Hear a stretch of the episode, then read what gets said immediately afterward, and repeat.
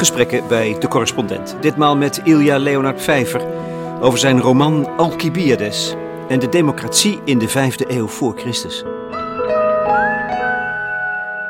Ja, het hele proces van het schrijven van deze roman was voor mij eigenlijk eh, een enorme terugval. Een geval van recidive naar mijn eh, tijden dat ik klassicus was. Dus ik zat opeens weer omringd met Griekse teksten en met 200 websites open op mijn computer onderzoek te doen. En ik heb wel heel erg veel lol beleefd aan dat onderzoek. En raar genoeg heb ik vooral heel veel plezier beleefd aan het onderzoek naar al die details. En details zijn belangrijk. Dat is, dat is uh, wat helpt om die tijdreis tot stand te brengen. Dat, om, om die wereld voelbaar te maken.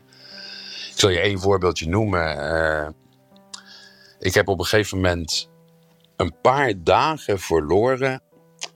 Omdat ik per se wilde weten hoe snel die schepen nou eigenlijk gingen.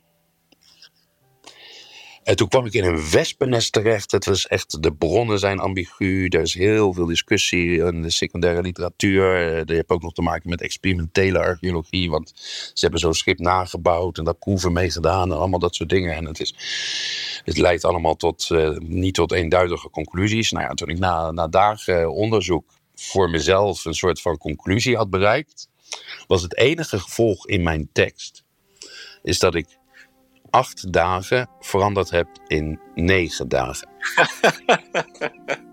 Daar zit dus dagen werk in.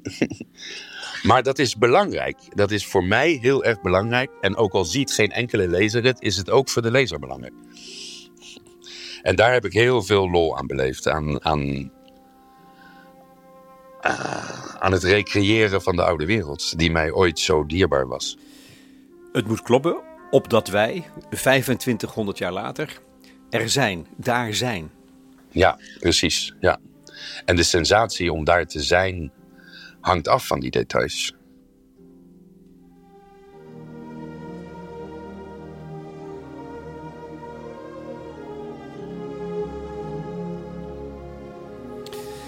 Ilja Leonard Vijver heeft met Alcibiades, zijn nieuwe roman, een meesterwerk afgeleverd. Het is een magnifiek portret van Alcibiades. Leerling en minnaar van Socrates, politicus, briljant strateeg, ijdeltuit, ontsnappingskunstenaar, fenomenale redenaar, die per se de democratische stadstaat Athene wil redden van de ondergang. Hij vecht zijn leven lang voor het hogere ideaal van de vrijheid. Aan het einde van zijn leven vertelt Alcibiades zijn verhaal. Een apologie geadresseerd aan de burgers van Athene. Het stelt de schrijver, Ilja Leonard Vijver, in staat om die hele klassieke wereld in één groots gebaar op te roepen. Je ziet het voor je, je voelt het, je ruikt het. Soms heeft het boek de trekken van een spectaculaire film met oorlog en liefde en ontsnappingen en redenvoeringen. Dan weer bedrijft die politieke filosofie. En dat maakt het boek in mijn ogen urgent en omineus. Alcibiades beschrijft een democratie in verval. Wat toen 2500 jaar geleden gebeurde in Athene, is huiveringwekkend herkenbaar voor de lezer anno 2023. Het interview vindt plaats via internet. De schrijver woont al jaren in Genua. Hij heeft een intensieve tournee achter de rug. En is hij het nou nog niet zat om weer over zijn boek te moeten praten? Ja, ik heb een, uh, een intensieve tour achter de rug. Het is nu even vakantie.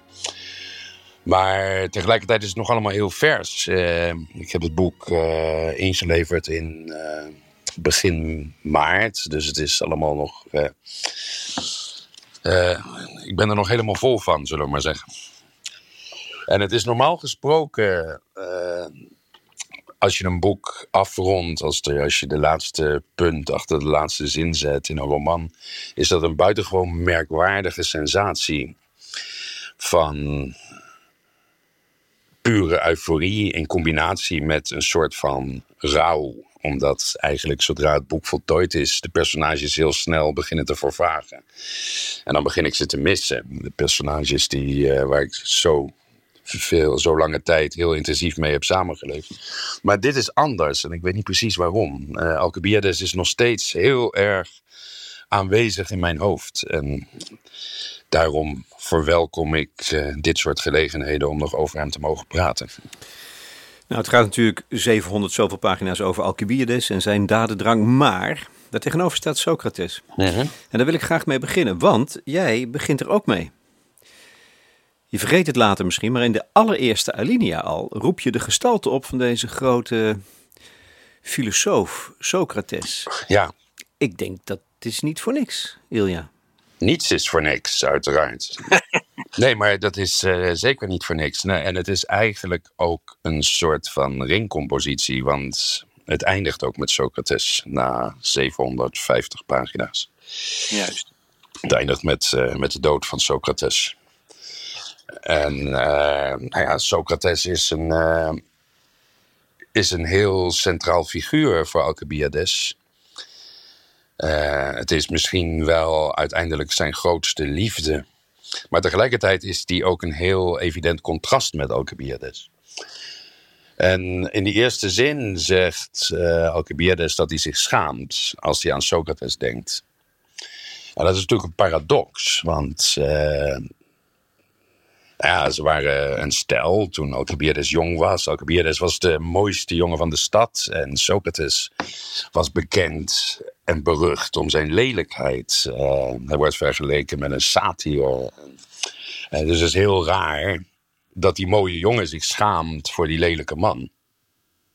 Maar als je gaat nadenken over die oorzaak van die schaamte, is het dat Alcibiades zich eigenlijk inferieur voelt aan Socrates in intellectueel opzicht. Als hij aan Socrates denkt, of als hij bij Socrates samen is, eh, wordt hij herinnerd aan zijn eigen tekortkomingen. En dat is niet iets eh, wat Alcibiades graag zou toegeven, maar eh, hij heeft geen andere keus dan, dan dat te bekennen.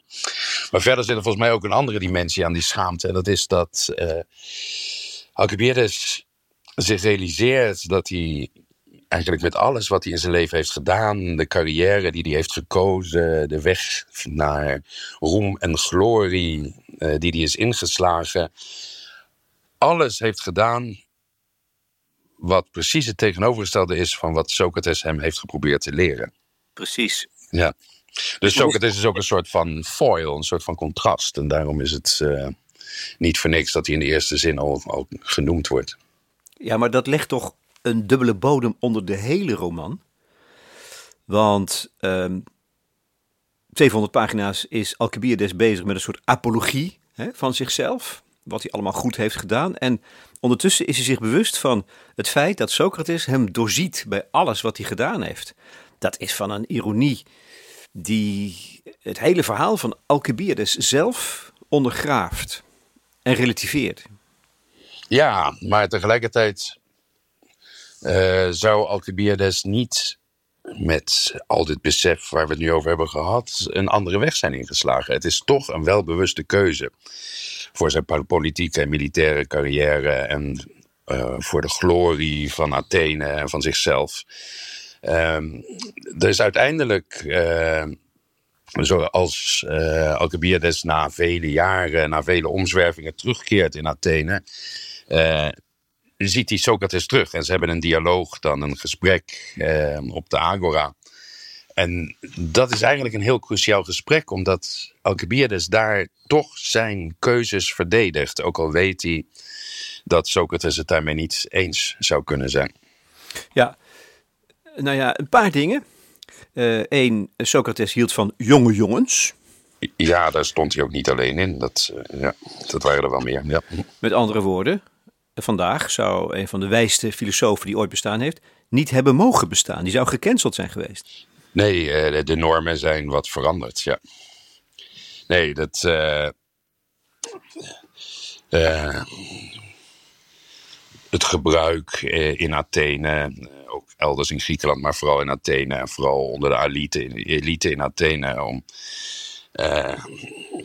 van oudere mannen die op jonge jongens vallen, is volgens onze huidige normen niet heel erg acceptabel natuurlijk. Maar het is, eh, het is een van de vele voorbeelden van, eh,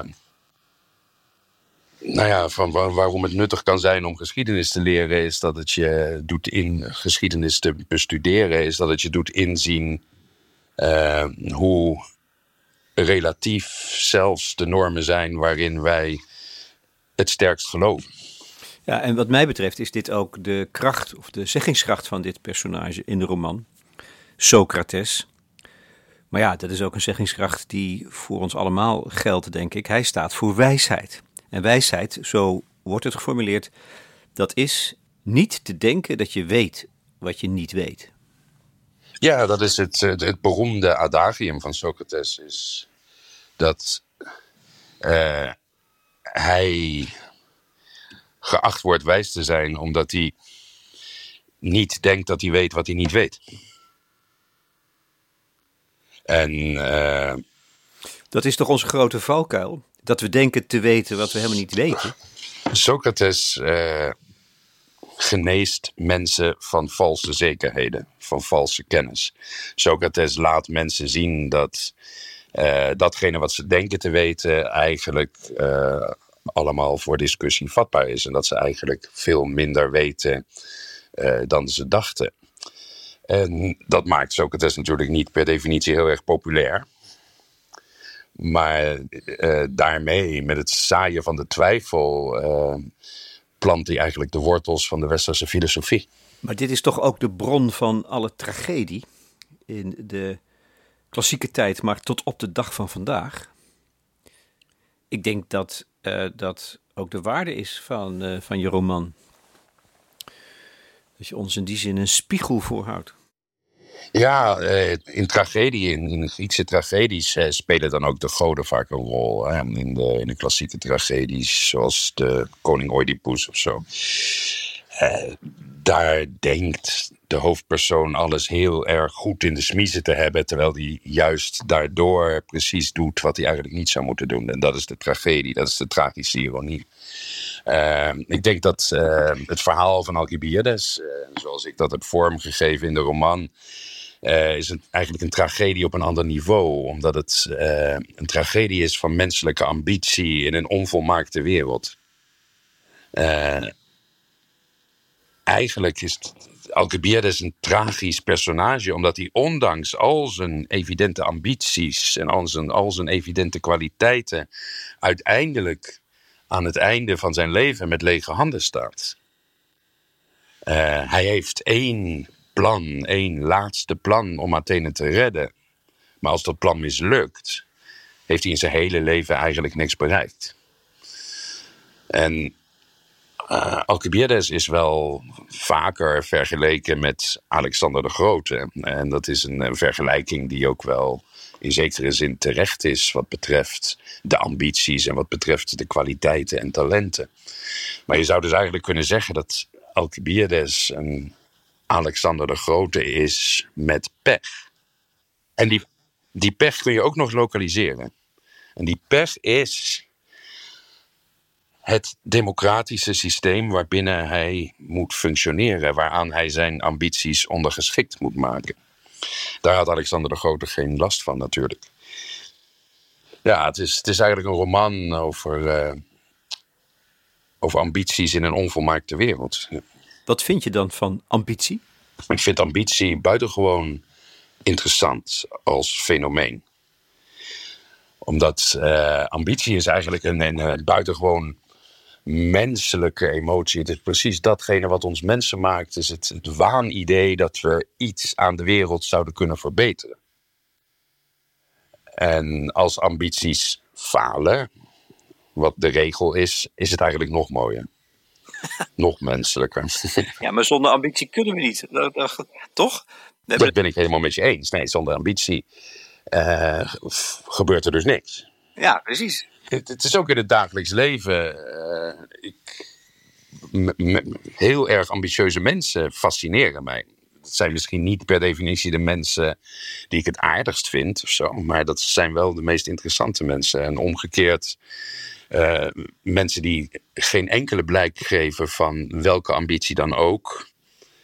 Uh, dat zijn meestal niet de mensen die, die, die heel interessant gezelschap zijn. Wat is jouw eigen ambitie? Mijn eigen ambitie. Nou ja, ik moet natuurlijk eerst maar eens eventjes uh, de Nobelprijs winnen en dan zien we wel weer verder. Ja. nou, ik gun het je. ja, nou, hiermee doe je wel een gooi, hoor, wat mij betreft. Nee, maar mijn ambitie is natuurlijk. Uh, met elk boek dat ik schrijf beter worden. Ik wil. Uh, wat dat betreft, mijn ambities zijn vrij beperkt. Want ze zijn beperkt tot. Uh, tot mijn métier. Maar daarin wil ik, wil ik groeien. En zolang ik kan zeggen dat mijn laatste boek mijn beste boek is, zijn we op de goede weg.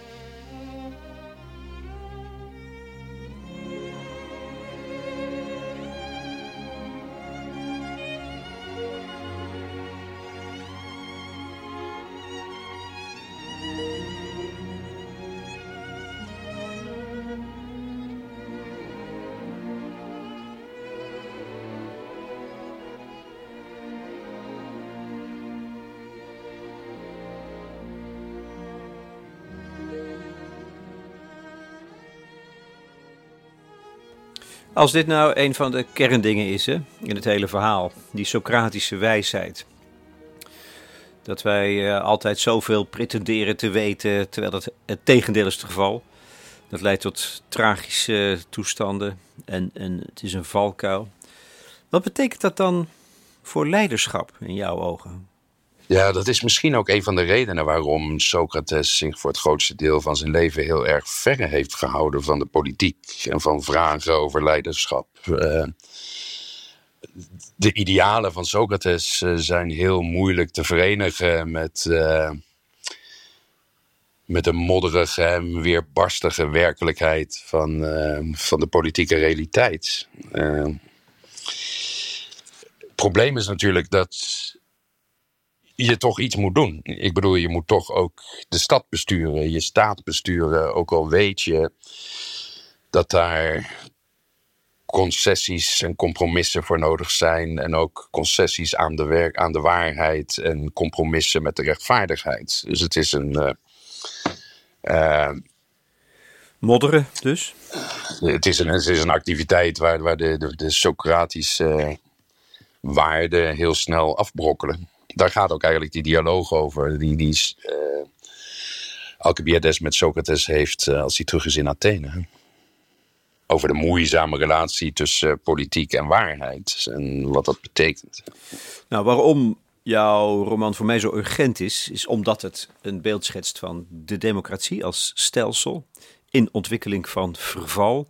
je zei al, voor Alcibiades was het in feite een handicap om zijn idealen en zijn dromen en zijn ambities te verwezenlijken. Die bloeitijd van Athene, waar we zo graag en zo vaak naar verwijzen als het grote voorbeeld van toen ging het goed. Die bloeitijd heeft maar heel kort geduurd, een jaar of vijftig, niet meer. Ja, nou, het, het democratische experiment van Athene, dat eigenlijk vrij uniek was, ook binnen de Griekse wereld en zeker binnen de, de internationale context van die tijd. Uh, heeft, heeft verbazingwekkend goed gefunctioneerd uh, gedurende ongeveer 50 jaar of zo. Uh, en wat interessant is, dat is eigenlijk ook de, de, de reden waarom ik deze roman ben gaan schrijven, is dat ik mij realiseerde dat Alcibiades een protagonist is en een centrale rol speelt in een periode waarin die Atheense democratie, de oudste democratie ter wereld, in verval raakt. En dat is eigenlijk de periode na de dood van Pericles. Maar de bloeitijd van, van de Atheense democratie valt voor een groot deel samen met, uh, met de regering van Pericles, althans volgens onze klassieke perceptie daarvan. En daarna uh, komt een heel ander politiek klimaat waarin uh, de democratie steeds minder goed functioneert en steeds minder bevredigend is. En Alcibiades speelde daar een hoofdrol in, was daar persoonlijk heel nauw betrokken daarbij. En uh, hij was misschien zelfs tot op zekere hoogte schuldig aan het verval van de democratie.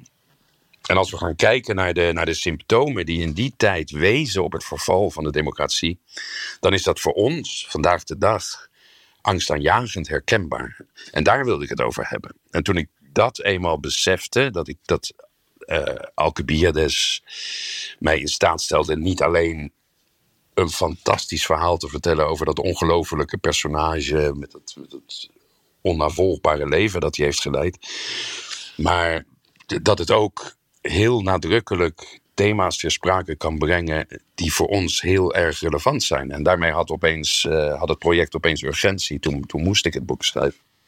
Dit is wat mij uh, ook zo getroffen heeft in het boek, wat ik ook verbluffend vind. Hoe ongelooflijk herkenbaar sommige dingen zijn voor ons nu, uh, die 2500 jaar geleden gebeurd zijn. En als je het omdraait, wat betekent dat? Voor ons is onze democratie nu ook zo in verval.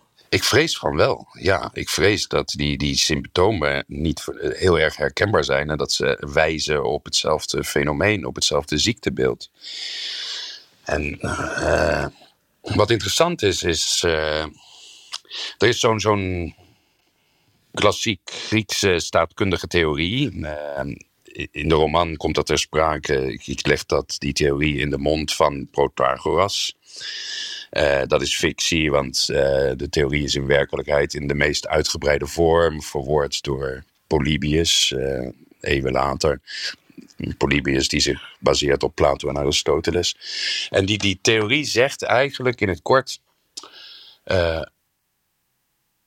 dat er drie staatsvormen mogelijk zijn in theorie. Ofwel je hebt één persoon aan de macht, ofwel je hebt een groep aan de macht, ofwel je hebt iedereen aan de macht. Als je één persoon aan de macht hebt, kun je dat een monarchie noemen. Een groepje aan de macht is een aristocratie en iedereen aan de macht is een democratie.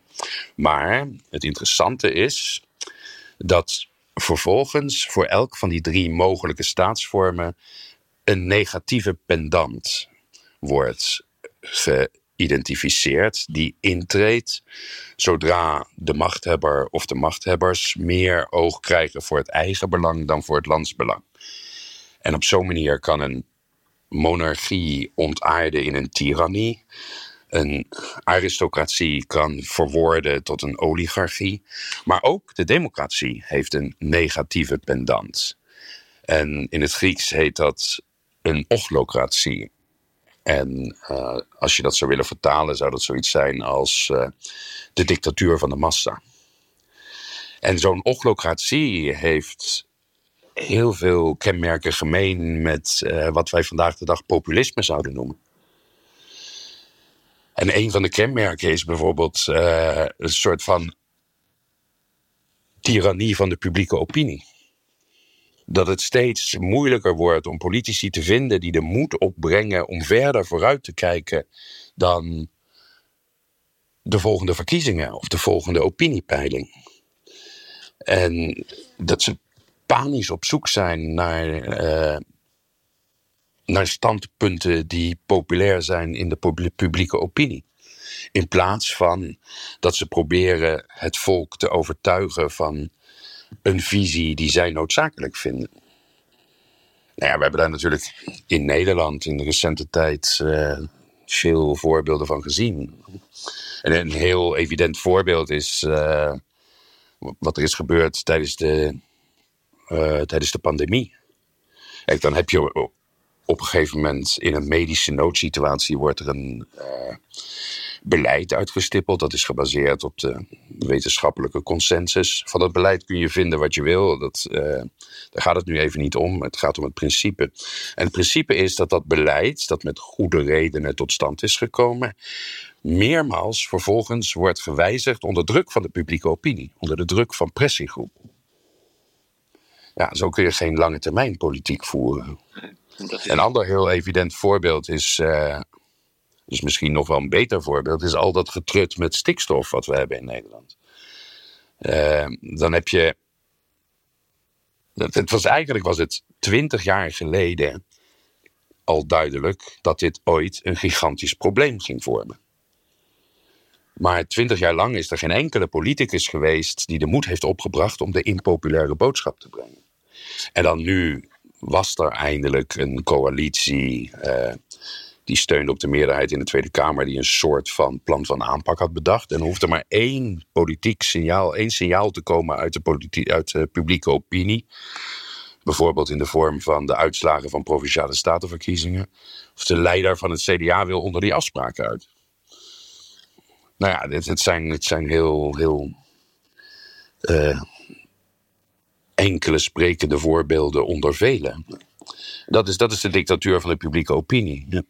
En dat is dus een wetmatigheid, nogmaals. Dat het verschuift van aandacht voor het algemeen belang naar aandacht voor deelbelangen slash individuele of eigen belangen.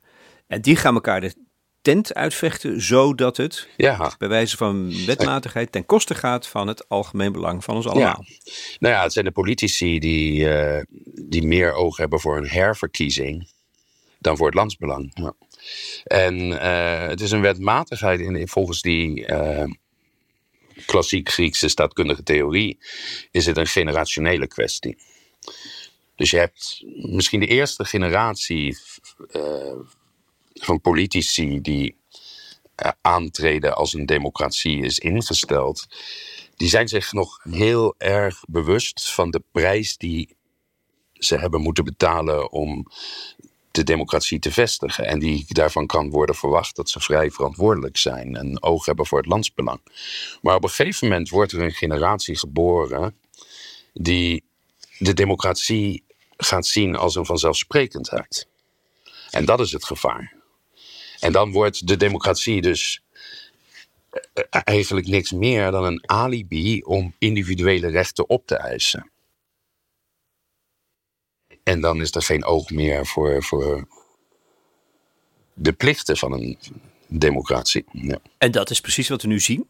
Ja.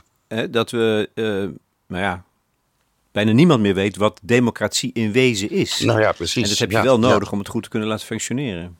Ja. En als je dan eens terugkijkt naar de tijd van Alcibiades, 2500 jaar geleden, briljante man in tijden van verval. Wat gebeurde er met hem? Wat gebeurde er met Athene en de democratie? Met andere woorden, wat kunnen wij nu verwachten? Nou ja, het, uh, volgens dat klassiek Griekse staatkundige model is het intreden van een crisis, ziet van de negatieve pendant, een, een, vorm van crisis die een omslag aankondigt naar de volgende staatsvorm. En uh, volgens dat model is dat cyclisch. Dus nadat een monarchie een tirannie is geworden, wordt er een aristocratie gevestigd. En nadat dat is verworden tot een oligarchie, wordt er een democratie ingesteld. Maar als de democratie een ochlocratie is geworden, klinkt opnieuw de roep naar de sterke man. En dat zien we natuurlijk, dat gebeurt. Dat gebeurt om ons heen. Uh, het, Turkije van Erdogan zou een voorbeeld kunnen zijn. Het Rusland van Poetin. Eh, India, Modi. Ja, uh, Trump heeft het geprobeerd, Bolsonaro. Nou, dat zijn allemaal voorbeelden van democratieën die een dictatuur baren. Nou ja, we hebben natuurlijk in de geschiedenis, ook in Europa in de jaren dertig, daar voorbeelden van gezien. En uh, ik vond het heel belangrijk om mijn lezers hiervoor te waarschuwen. Want dat is misschien niet iets wat we heel erg vanzelfsprekend vinden. Uh, we zijn niet heel erg eraan gewend om te denken aan de democratie als iets dat ook eindig kan zijn. We zijn misschien ook mede onder invloed van Amerikaanse propaganda tijdens de Koude Oorlog opgevoed met het idee dat de democratie een soort van eindstadium is. Als we nu maar allemaal democratisch worden, dan, uh, dan worden we vanzelf gelukkig en dan breekt de wereldvrede uit. Maar zo is het natuurlijk niet. En democratie is een buitengewoon fragiel en onderhoudsgevoelig bestel dat wel degelijk aan zichzelf ten onder kan gaan. En daar wil ik voor waarschuwen.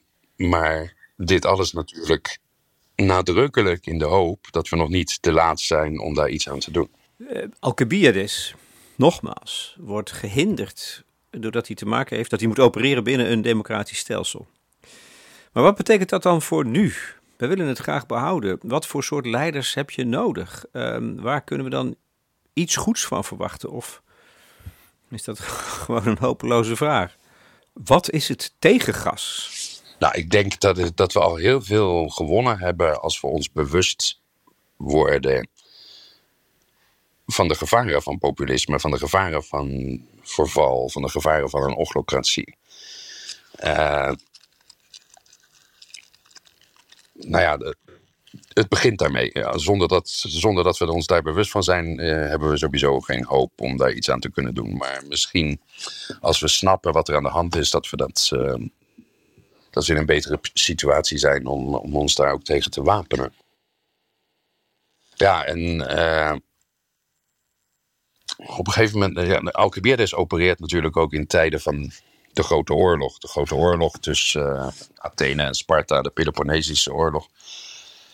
En oorlog en democratie zijn, zijn ook lastig. Hè? en hij zegt op een gegeven moment ergens. Uh, de democratie heeft ons de vrijheid gegeven en daarmee een heilige reden waarom we de oorlog niet mogen verliezen. Maar met de democratie gaan we de oorlog niet winnen. Nou, dat is onheilspellend voor onze toekomst, onze, onze nabije toekomst. Ja, Weet je, ik ben begonnen aan dit boek, uh, ik weet het nog, want het is een makkelijke datum om te onthouden, op 1 januari van het jaar 2022.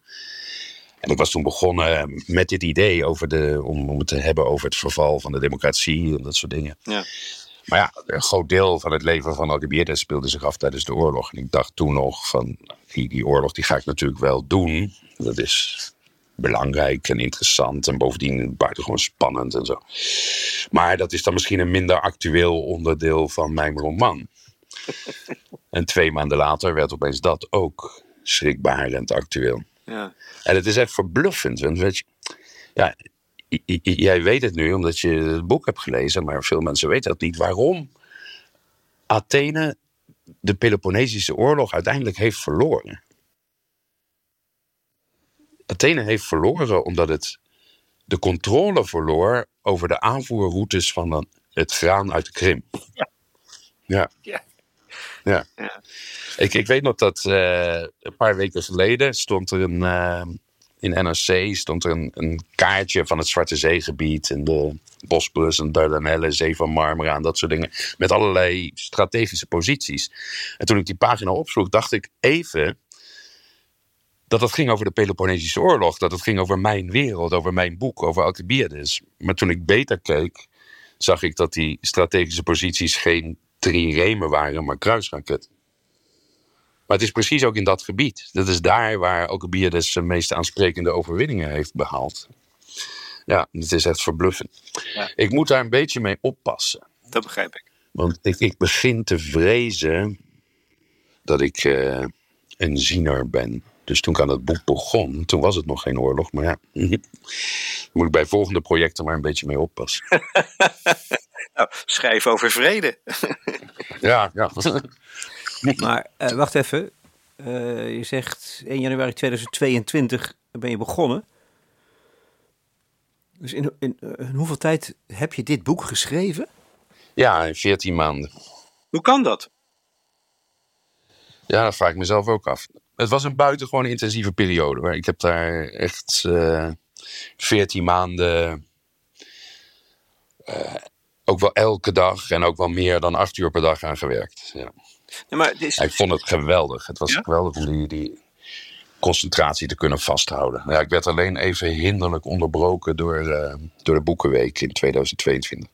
Dus toen had ik ook nog het geschenk geschreven, dus toen moest ik ook nog... ja. Maar er zit natuurlijk ook een verschrikkelijke uh, hoeveelheid kennis in van de bronnen, ja, Ilja. Maar ik ben natuurlijk uh, in een vorig leven klassicus geweest. Ik heb klassieke talen gestudeerd en daarna ben ik nog werkzaam geweest aan de Leids Universiteit als onderzoeker en docent oud-Grieks. Dus ik had natuurlijk wel enige voorbereiding. Ja.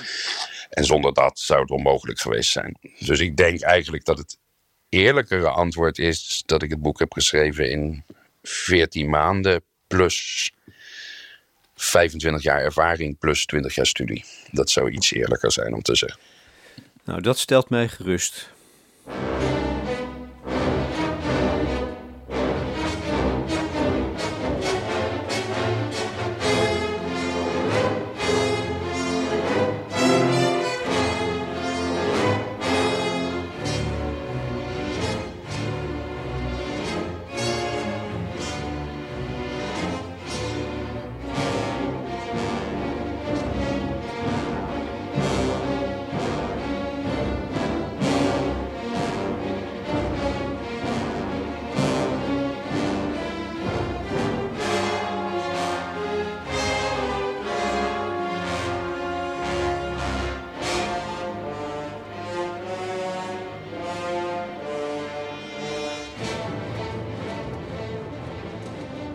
Wat ik me afvroeg, eh, als je al uh, stuit op zo'n verbluffende en ook huiveringwekkende parallel tussen de ontwikkelingen van 2500 jaar geleden in Athene en nu. Wat betekent dat dan voor je als schrijver? Ga je dat proberen te benadrukken? Want uh, neem bijvoorbeeld de speech van Cleon. Ik dacht meteen, dit is letterlijk wat Wilders doet, zoals hij spreekt. Maar ik kan me voorstellen dat het ook een gevaar is, omdat je daarmee je eigen ja, visie of zo, of, je, of de zeggingskracht van het verhaal zelf ondergraaft. Dan wordt het te veel een boodschap of zo. Nou, het is grappig dat je die, die speech van Cleon als voorbeeld noemt. Uh, want die speech van Cleon, die komt uit Thucydides. De geschiedschrijver Thucydides citeert de redenvoering van Cleon. En toen ik daar was aangekomen, toen had ik het idee uh, om bij wijze van experiment die speech die Thucydides geeft te vertalen in het jargon van Wilders. Ja, zie je. Maar dat ging eigenlijk moeiteloos. Het was al in het jargon van Wilders. Thucydides had het in het jargon van Wilders geschreven. Het was precies diezelfde retorische trucs, diezelfde uh, hyperbolen, herhalingen, persoonlijke aanvallen. Dus het is gewoon. Uh, Wilders bedient zich van, van dezelfde retorische middelen als de, als de historische Cleo. Uh, ik heb natuurlijk uh, het mezelf moeilijk gemaakt wat betreft het trekken van die parallellen door ervoor te kiezen om Alcibiades zelf zijn eigen verhaal te laten vertellen. Dus hij vertelt in, in, in eerste persoon uh, zijn eigen leven. Uh, daarmee beroof ik mezelf van elke mogelijkheid om vooruit te wijzen naar onze tijd. Maar dat was eigenlijk ook uh, heel wel bewust. En het was ook eigenlijk helemaal niet nodig. Die, die parallellen springen zo in het oog dat ik helemaal niks hoef te benadrukken. Ja, wel in woordkeus. Uh, je gebruikt uh, ergens het woord nep-parlement bijvoorbeeld. Ja, af en toe heb ik van die, van die dingetjes erin, ja. ja. ja. Of nepnieuws. Het zijn toch ja. hè, van die dingetjes waarmee je het er op een stilistische manier stiekem inweeft. Ja, maar je zou kunnen zeggen dat zou een, een, een goede, moderne, geactualiseerde vertaling zijn van datgene wat die tijd echt oh, gezegd is. Want het, ja, het, het zijn diezelfde fenomenen eigenlijk. Minachting voor de volksvergadering op de PNUX vertaalt zich in, in zo, dat soort woorden als nepparlement. Nou, daar moet je ook wel lol in gehad hebben, denk ik. Ja, nou ja, natuurlijk, ja. Maar uh, ja. En als we het dan toch even over stijl hebben. Ik vermoed dat je heel bewust een stijl hanteert. Ja, hoe moet je het noemen? Die van de eloquentia. Nou ja, dat zou ik als een compliment beschouwen. Maar uh, ja, ik heb natuurlijk, ik heb er heel wel bewust voor gekozen om Alcibiades te laten schrijven. Dat is dus in mijn fictie schrijft hij datgene wat wij lezen. Uh, en hij doet dat in een stijl waarvan het waarschijnlijk zou kunnen zijn dat iemand zoals hij, met zijn scholing, zijn achtergrond en zijn retorische talenten, zich aan het eind van de vijfde eeuw voor Christus zou hebben kunnen bedienen. Uh, daarvoor heb ik in stilistisch opzicht mezelf heel erg uh, dicht tegen klassieke auteurs aangeschurkt, zoals Plato en Thucydides en zo. Ja, ja. Dat is sowieso de lat heel hoog leggen, want dat zijn fantastische auteurs. Uh, maar dat is alleen maar goed. Nee, wat ik heel graag wilde met die roman, afgezien van een fantastisch verhaal vertellen. En, uh, een verhaal vertellen dat heel nadrukkelijke relevantie heeft voor ons vandaag de dag. Is ook uh, de lezer de sensatie geven van een tijdreis. Dat is iets wat een uniek voorrecht is van een roman. Dat kan eigenlijk alleen maar in een roman. En ja, dat zit in beschrijvingen, dat zit in heel veel in details. En dat zit in, ja, ik wil, ik wil die antieke wereld oproepen, maar. En niet alleen beschrijven hoe het eruit zag, maar het ook laten ruiken, laten voelen, laten proeven, dat soort dingen. En onderdeel van die tijdreis is ook de stijl waarvan Alcibiades zich bedient. Ja. Nou, wat mij betreft ben je daar uh, voortreffelijk in geslaagd. Ik heb ook het gymnasium gedaan, ooit. Maar ik had het gevoel dat ik nu voor het eerst het zag.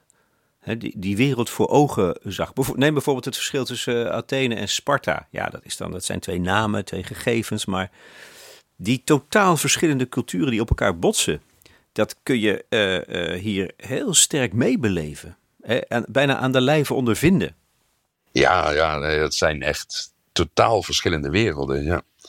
En dan ook totaal verschillende uh, maatschappijvisies die, die op dat moment uh, oorlog voerden. Ja.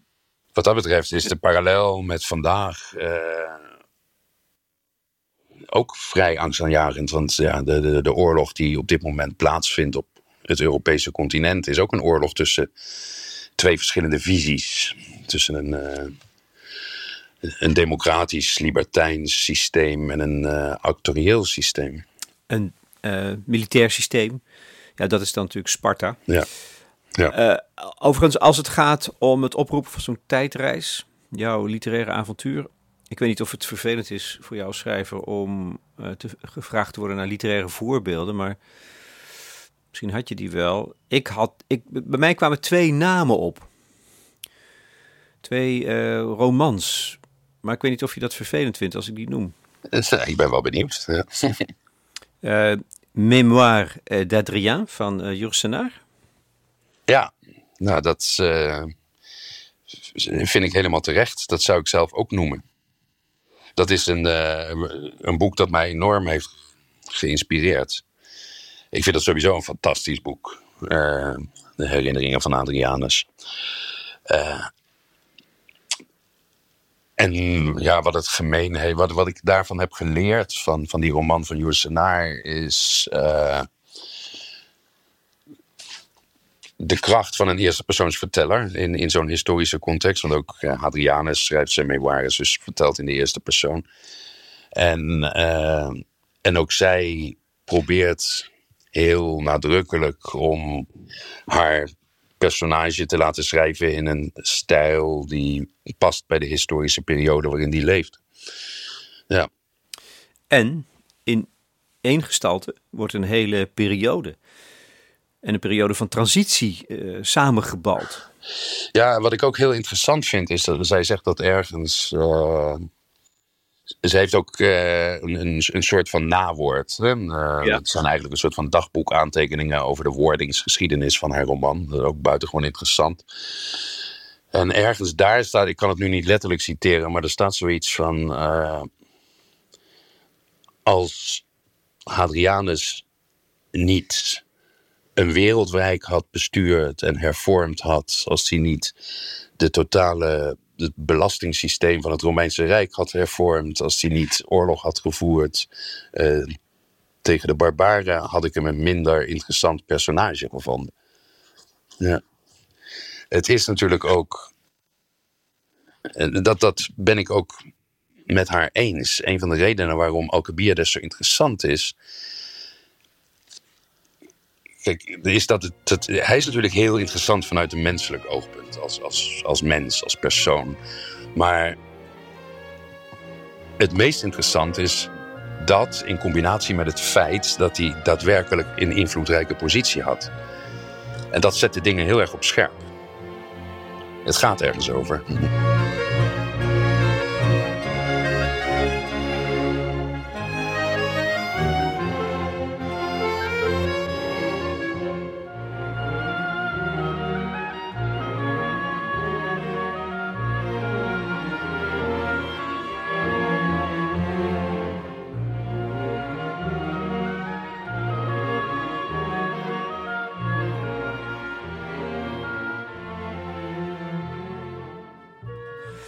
En het andere boek is uh, Salambo van Flaubert.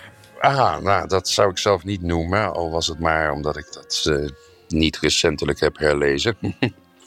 Om wat een eufemisme is voordat ik het nog nooit heb gelezen. Maar... ja. Nou, dat moet je toch eens doen. Ja, maar het gaat mij om het uh, vermogen om een wereld die ver weg is, onbereikbaar, ontoegankelijk, toch visueel op te roepen. Neem bijvoorbeeld die waanzinnige reis van de Perzische koning. Dat is film. Ja, maar dat is zo goed materiaal. Dat is geweldig. Nou, daarin heb ik eigenlijk, ik zou dan zelf een andere inspiratiebron noemen. En dat is uh, De Berg van Licht van Couperus. Oh ja.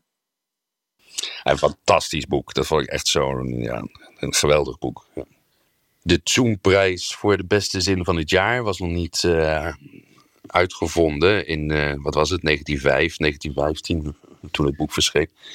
Dat is maar goed ook, want hij had met elke afzonderlijke zin gewonnen. Ja, ja het, het, is, het is fantastisch en het is zo'n zinnelijke manier van schrijven. Het past natuurlijk heel erg uh, bij het onderwerp. het, is, het is klassieke decadentie van het Romeinse Rijk en dat soort dingen. Ja, daar, daar is Couperus helemaal in zijn element. En dat is ook in stilistisch opzicht fantastisch. Ja. Nog één ding over stijl. Een van de vreugdes van je roman, Ilja, Leonard Pfeiffer, Alcibiades, is het gebruik van retorica. Er zitten een aantal sublieme toespraken in. En ik denk dat het ook dit laat zien. Zowel de kracht als de zwakte van retorica. Ja, ik heb er wel heel veel mijn best op gedaan. Ik ben ook blij dat je dat noemt. Die, die politieke speeches zijn heel belangrijk, ja. En ik heb, uh, ik heb me daar heel erg, uh, nou ja, zoals eigenlijk in het hele boek, uh, ik ben heel dicht bij de bronnen gebleven. Maar tegelijkertijd heb ik daar natuurlijk ook wel mijn eigen versie van gemaakt. En dat zou alleen al een reden kunnen zijn om het boek verplicht te stellen voor alle politici, om het te lezen. Want nee, maar het is toch eindelijk misschien eens een keer leren om goede redenvoeringen te houden. Ja. ja. Maar het is toch en, en een kracht en een zwakte. Want het is van een geweldige overtuigingskracht. Maar je kunt ook alles recht praten wat krom is. En andersom. Ja. Nou ja, dat is, het is ook heel erg een kenmerk van, uh, van het verval van de democratie. Zoals wij dat aan de lijve ondervinden vandaag de dag ook al is het misschien vandaag de dag in, niet in de vorm van uh, spectaculaire retorica, maar het gaat heel erg over beeldvorming. Het is eigenlijk misschien zelfs belangrijker uh, hoe, hoe, je de dingen laat lijken, uh, hoe je het spint, hoe je het in de publieke opinie laat weer klinken, dan wat er werkelijk is gebeurd. En, en dat is de kracht en de zwakte van retorica. En dat is misschien vandaag de dag uh, meer in de vorm van beelden en video en dat soort dingen. Maar het, het gaat heel erg om datzelfde principe. Maar je wilt wel dat er betere speeches worden geschreven. Dus je vindt het ook belangrijk? Ja, ja, ja want ik ben een liefhebber van, van retorica natuurlijk. Ja. Maar, maar, maar de, natuurlijk, de, de politici van vandaag de dag zijn zich daar heel erg van bewust. Ook al doen ze dat misschien niet louter met woorden. Maar er zijn tegenwoordig ook andere middelen om, dat, om datzelfde te bereiken. Maar het is, uh, ik kan me herinneren dat ik heb... Uh, toen ik mijn proefschrift schreef, heb ik een half jaar uh, in Londen aan Royal, Holiday, Royal Holloway University of London gewerkt. En uh, die had een motto. En zoals dat hoort, is dat een uh, motto in het Latijn. En dat was esse quam videri. Wezen is belangrijker dan schijn. Zijn in plaats van lijken. Dat was het motto van de universiteit. Het is nu, vandaag de dag, precies omgekeerd. Het is videri quam esse. Het is belangrijker wat het lijkt dan wat het daadwerkelijk is. Dat zie je op, allerlei niveaus. Niet alleen in de politiek. Maar dan begrijp ik nu ook waar jouw ehm, grote thematiek vandaan komt. Dat eeuwige spanningsveld tussen schijn en wezen. Ja, dat is iets wat, wat mij al lange tijd fascineert. En eigenlijk misschien alles wat ik ooit heb geschreven raakt wel op een bepaalde manier aan dat spanningsveld en dat thema. Ja. Ja, en hier is het dan misschien allemaal nog net een graadje spannender, omdat het, ja, het gaat om politiek. En politiek gaat om het leven van mensen en over de toekomst. En over, ja, dus, dus, dus daar staat veel op het spel.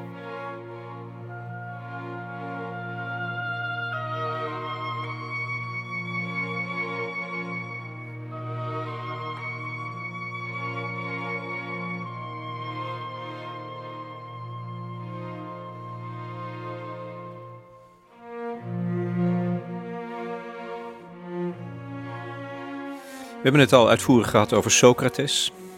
die als een soort spiegelfiguur alles ondergraaft wat Alcibiades over zichzelf te berde brengt. Als een uh, soort relativering die door de hele roman heen voelbaar eigenlijk is voor de goede verstaander. Maar er zijn nog twee andere uh, figuren heel belangrijk. De twee vrouwenfiguren. Ja, ja die zijn heel belangrijk, ja. Uh, ja, ik zei eerder dat Socrates misschien de grootste liefde van Alcibiades is geweest. Uh, maar dat is dan misschien de grootste van drie grote liefdes. na Socrates heeft hij twee vrouwen daadwerkelijk lief gehad. zijn echtgenote Hipparete en vervolgens aan het eind van zijn leven Timandra die die overal mee naartoe nam en dat soort dingen. Waar staan zij voor? Het Athene aan het eind van de vijfde eeuw voor Christus is natuurlijk niet een maatschappij die wereldberoemd is vanwege feministische verworvenheden.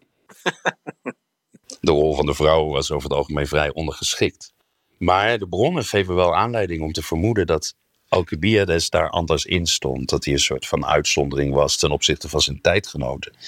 In het geval van Alcibiades worden die vrouwen genoemd. We weten met wie die is getrouwd. En we weten dat Timandra heel erg belangrijk was. Dat hij haar zelfs meenam op de vloot. Op de oorlogsvloot van Athene, waar zijn tegenstanders schande van spraken. En dat hij met haar naar Ionië, naar Thracië en naar Perzië is gegaan. Dus nou ja, op grond daarvan kun je denk ik wel concluderen dat, dat uh, die vrouwen een heel belangrijke rol in zijn leven hebben gespeeld. En vervolgens is het mijn, uh, mijn voorrecht, maar misschien ook wel mijn plicht als romancier, om die vrouwen een relief te geven en ook een stem te geven. En Timandra krijgt zelfs uh, het laatste woord in de roman. De ontmoeting met Timandra in een bordeel trouwens behoort tot de ontroerendste scènes van het boek, wat mij betreft althans. Er komt een soort zachtheid in. Maar goed, de vrouwen leiden naast de Socratische wijsheid, die zo'n belangrijke rol speelt, naar een ander inzicht. Dat ook cruciaal is, volgens mij, voor jou, althans in deze roman. Geen man zal ooit een groot man zijn als hij niet ook een vrouw durft te zijn. Ja, ja, dat wordt een soort van leidmotief. Dat, dat is een les die uh, Alcibiades leert van, uh, van zijn eerste vrouw, van uh, Hipparete. En dat is een les die hem vervolgens minstens één keer letterlijk het leven redt. Maar waar hij verder ook wel, wel, wel zijn voordeel mee doet. Ja. Kijk, wij weten natuurlijk van Alcibiades zeg maar, wat iedereen altijd over hem zegt, alle bronnen zijn daar unaniem over, is dat hij een prachtige man was. De mooiste man van Griekenland. Maar tegelijkertijd is het heel duidelijk dat die schoonheid een soort van ambiguïteit had. Want hij was weinig mannelijk als man. Hij was eigenlijk een vrij feminine verschijning. Uh, wat, wat vrij uitzonderlijk was, ook in die tijd. Dus Alcibiades is al vrouwelijker dan zijn tijdgenoten. En door die les van Hipparete weet hij dat uh, in zijn voordeel, uh, in, voor zijn voordeel, eigen voordeel in te zetten. En, en maar wat, wat betekent het voor jou, deze wijsheid, dit inzicht? Nou, het is natuurlijk evident waar. Waarom? Ik denk dat uh, mannen er heel erg goed aan doen om te leren van vrouwen. Wat kunnen we leren van vrouwen dan? Ja, ik denk niet dat ik dat hoef toe te lichten. Dat is volgens mij heel duidelijk, heel evident. Nee, is voor mij niet evident. Ja, dat is natuurlijk wel, maar uh, nu even niet. Dan moet je daar nog maar over nadenken. Oké, okay, um, maar in de roman, laten we het daar maar even op betrekken, gaat het over de waarde en de kracht van empathie. Een relativeringsvermogen, denk ik. Ja, zeker. Dat is een van de belangrijke dingen. Dat is ook wat, wat Hipparete expliciet zegt. Uh, ja, dat is ook voor een, uh, voor een politicus en een strateeg een, een heel belangrijke kwaliteit. Dat je niet alleen uitgaat van je, van je eigen visie, van je eigen strategie, van je eigen ambitie, van je eigen plan. Maar dat je ook uh, de capaciteit hebt om je te verplaatsen in in de ambities van je tegenstander, van de vijand. Uh, dat je begrijpt wat anderen drijft. Uh, dat is natuurlijk heel belangrijk. Maar dat is niet uitsluitend belangrijk voor een, uh, voor een veldheer en een politicus. Dat is voor iedereen belangrijk. Maar dat gaat dus ook over de betrekkelijkheid van alles. En zeker dus ook van je eigen, van je eigen visie. Ja, nou ja, het is ja. Ik heb. Uh, uh, vroeger heb ik een tijd lang vrij fanatiek geschaakt. Uh, ik doe het nu af en toe nog wel eens, maar niet zo heel fanatiek. En de reden waarom ik eigenlijk niet zo'n heel goed schaker ben, is dat ik veel te blij ben met mijn eigen plannen. en dan vergeet na te denken over wat mijn tegenstander eigenlijk aan het doen is en wat hij wil. Dat is, ja, dat is precies waarom ik de les van Hipparete ter harte zou moeten nemen. Ja. Nou ja, je zou ook een uh, lousy generaal zijn. Ja, ik heb wel veel geleerd door het schrijven van dit boek hoor. Ik zou wel iets beter nu. het strategische inzicht is gegroeid, dat begrijp ik wel. Maar goed, deze les van Hipparete zou ook voor elke politicus en leider uh, van betekenis zijn. Zouden zij ter harte moeten nemen? Ja, ik denk het wel, ja. Ja, nee, natuurlijk. Je moet. Uh... Kijk, als je als politicus uh, probeer je toch dingen te bereiken. Je probeert. Uh, en je hebt met alles wat je wil bereiken ook te maken met mensen die iets anders willen. Dus je hebt eigenlijk te maken met tegenstand. En, waar tegenstand is, is strategie nodig. En waar strategie nodig is, uh, is empathie nodig. Tot slot dan, Ilja. Het gaat natuurlijk over het, het verval van de democratie toen en nu. Ehm, maar er staat toch ook nog iets tegenover. Want ergens lees ik dat het ideaal van vrijheid, en vrijheid was het hoogste goed, dat was het ideaal voor de Atheners toen, dat dat onoverwinnelijk is. Ik weet niet meer precies waar het stond, maar ehm, is dat zo? Is dat ideaal niet klein te krijgen?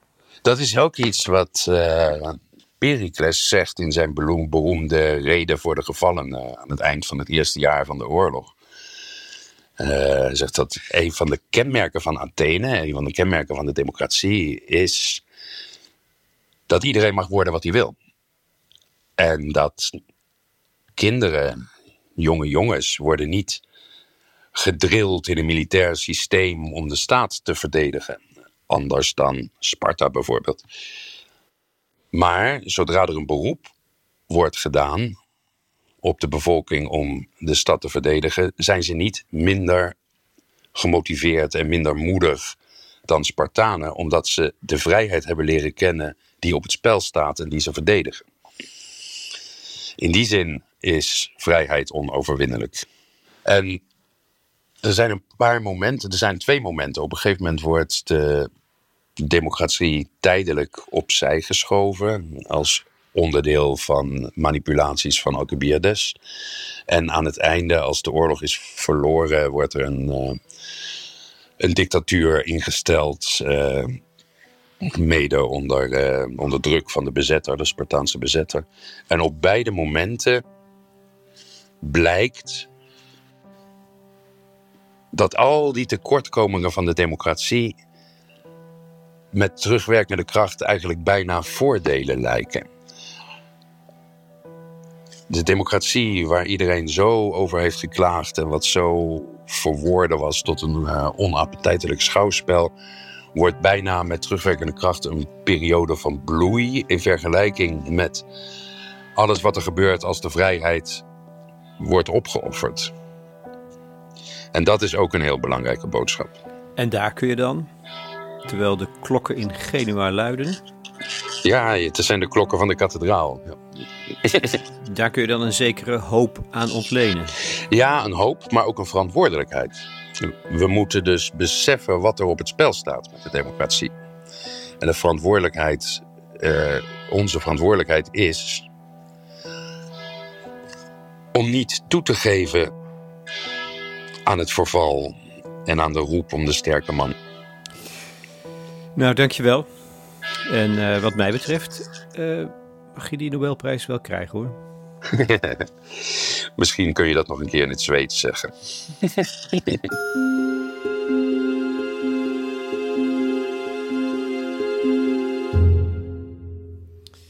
Tot zover Ilja Leonard Pfeiffer in gesprek met Lex Bolmeijer voor de correspondent over zijn roman Alcibiades, uitgebracht door de Arbeiderspers. Hebben jullie hem al gelezen? Ik ben erg benieuwd naar jullie reacties, dus post een bericht op ons platform. Dat is toegankelijk voor leden. En je bent al lid voor negentientjes per jaar, waar je dan een jaar lang kwaliteitsjournalistiek voor krijgt voor beide baan van de dag. Desnoods gaan we 2500 jaar terug in de tijd. Ik maakte gebruik van veel muziek. Te weten de klassieker Ben Hur van Miklos Rocha en Eternity and a Day van Eleni Karaindrou. Dat is dus hedendaags Grieks en oud-Romeins.